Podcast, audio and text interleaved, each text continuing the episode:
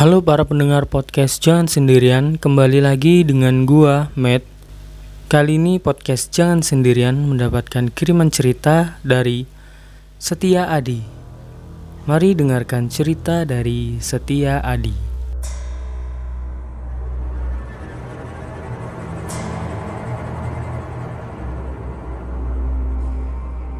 Sebelumnya saya mohon maaf, tidak ada unsur atau niatan untuk menjelekkan pusat perbelanjaan atau instansi terkait. Bagi yang tahu lokasi nama dan tempatnya, cukuplah sebatas tahu aja. Tidak usah bersetigma yang buruk.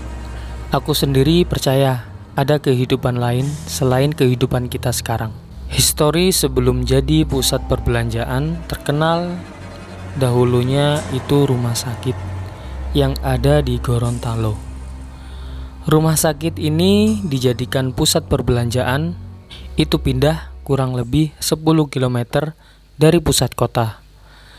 Kejadian cerita ini antara tahun 2019, kabarnya dari warga asli Gorontalo, kantorku itu bekas UGD rumah sakit yang dulu.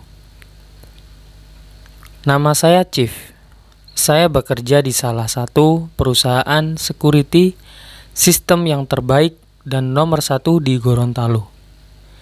Yang salah satu kantornya lokasi ruko ada di komplek pusat perbelanjaan modern di Gorontalo. Sejak awal saya masuk ke kantor dan bekerja, saya merasakan hawa yang berbeda. Apalagi secara mata saya sensitif terhadap sesuatu yang astral. Memang Hal itu membawakan memang hal itu pembawaan dari lahir. Kalau dibilang indigo bukan juga. Karena saya tidak bisa bercerita dengan makhluk-makhluk astral secara langsung. Tetapi jika aku di tempat asing dan baru pertama yang di situ ada penunggunya, biasanya perkenalan lewat mimpi dan mereka menceritakan siapa dia. Setelah kurang lebih empat bulan saya bekerja, bosku datang dari Jawa. Aku ditawarkan tinggal di ruko itu di lantai tiga. Begitu juga rekan kerjaku Pak Indra memintaku, tinggallah di sini, Chief. Daripada ngekos, kan bisa di sini. Hal itu masih aku pertimbangkan karena beberapa hal tentang aura-aura itu. Bosku dulu Sering datang ke Gorontalo, tidak pasti, terkadang satu bulan, terkadang dua bulan. Beberapa waktu bosku datang ulang ke Gorontalo. Datang yang ini mengagetkanku, kurang lebih seminggu setelah tinggal di Gorontalo. Pas saya sedang kerja di luar kota, di Bualemu. Saya dapat telepon dari rekan kerja saya, namanya Adi. Posisi di mana, bro? Masih di Tilamatu nih, kenapa? Teman saya jawab, nanti kalau su sampai kota, langsung ke rumah sakit bunda ya. Saya menjawab, siapa yang sakit bro? Lalu teman saya bilang, si bos yang sakit. Malam minggu masuk rumah sakit bunda. Hari minggu sore sudah boleh pulang. Lalu kuantarkan ke ruko di komplek mall. FYI, biasanya kalau bos ke Gorontalo itu tinggal di hotel atau di kos, eksklusif. Pada hari itu, aku diminta temani untuk tidur di ruko lantai tiga. Bosku di kamar sebelah, aku di kamar sebelah bosku. Malam Senin kupikir ku melayang, tidak bisa tidur guling ke kanan, guling ke kiri. Beberapa saat melihat HP, waktu sudah menunjukkan jam 2 Wita. Kumatikan lampu dan kupastikan mata untuk terpejam. Sesaat kemudian, aku tidur terjaga antara tidur dan sadar. Dan semacam ada yang duduk di atas kakiku. Dalam hati aku berdoa Terus akhirnya lama-lama aku sadar. Setelah itu, aku lanjut tidur dengan posisi berbeda. Kedua kalinya, aku seperti diduduki makhluk yang tidak terlihat, hanya hitam samar-samar. Aku bangun, lalu aku menyalakan lampu. Baru setelah itu, aku bisa tertidur tanpa gangguan apa pun. Hari berikutnya berbeda, tidak ada gangguan, tapi ada suatu mimpi memberitahuku bahwa aku ada di sini.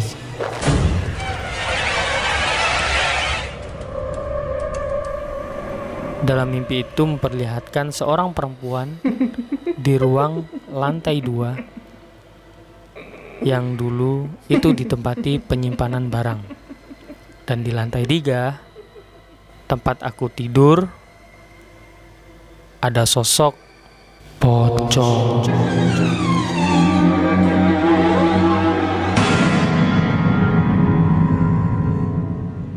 Di antara tangga naik turun ada sosok anak kecil, laki-laki. Dalam mimpiku, dia hanya memperlihatkan seperti itu. Tidak menegur dan tidak berbicara sepatah kata pun. Cerita mimpi ini tidak pernah aku ungkapkan di teman-temanku.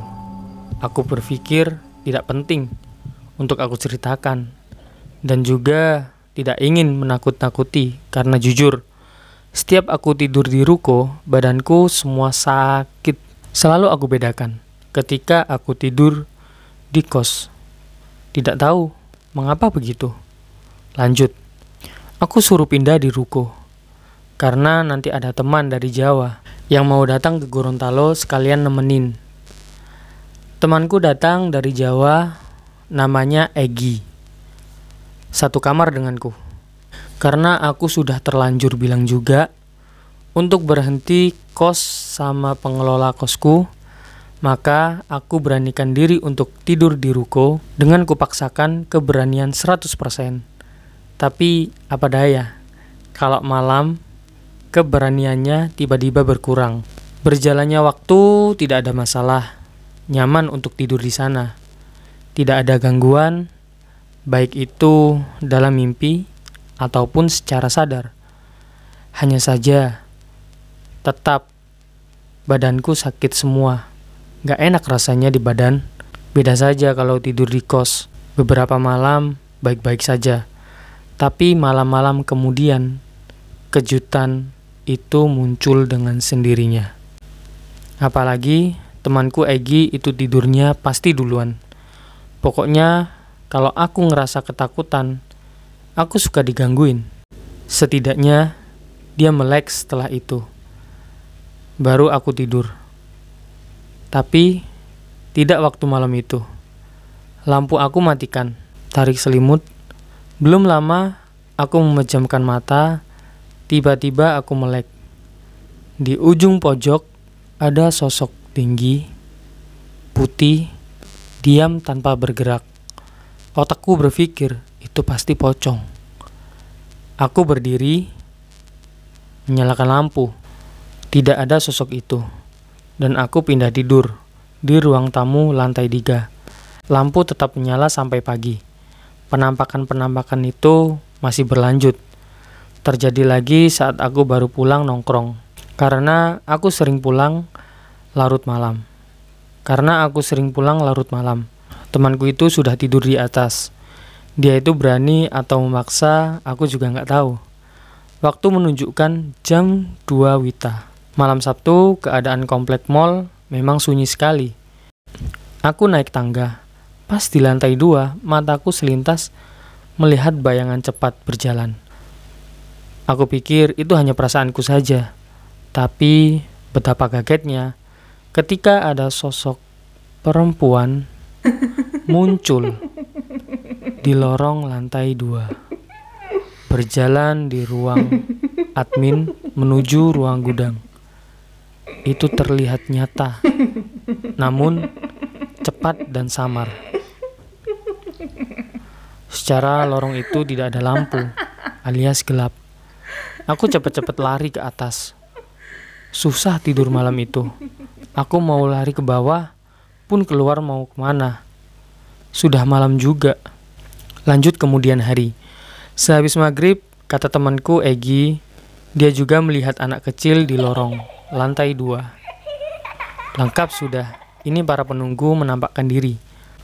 Tapi sejak kejadian-kejadian itu, aku tidak menceritakan ke teman-temanku, karena supaya tidak menimbulkan rasa takut. Sejak kejadian pula, itu aku malas tidur di kamar. Aku lebih suka tidur di sofa, di ruangan lantai tiga, karena terbukti.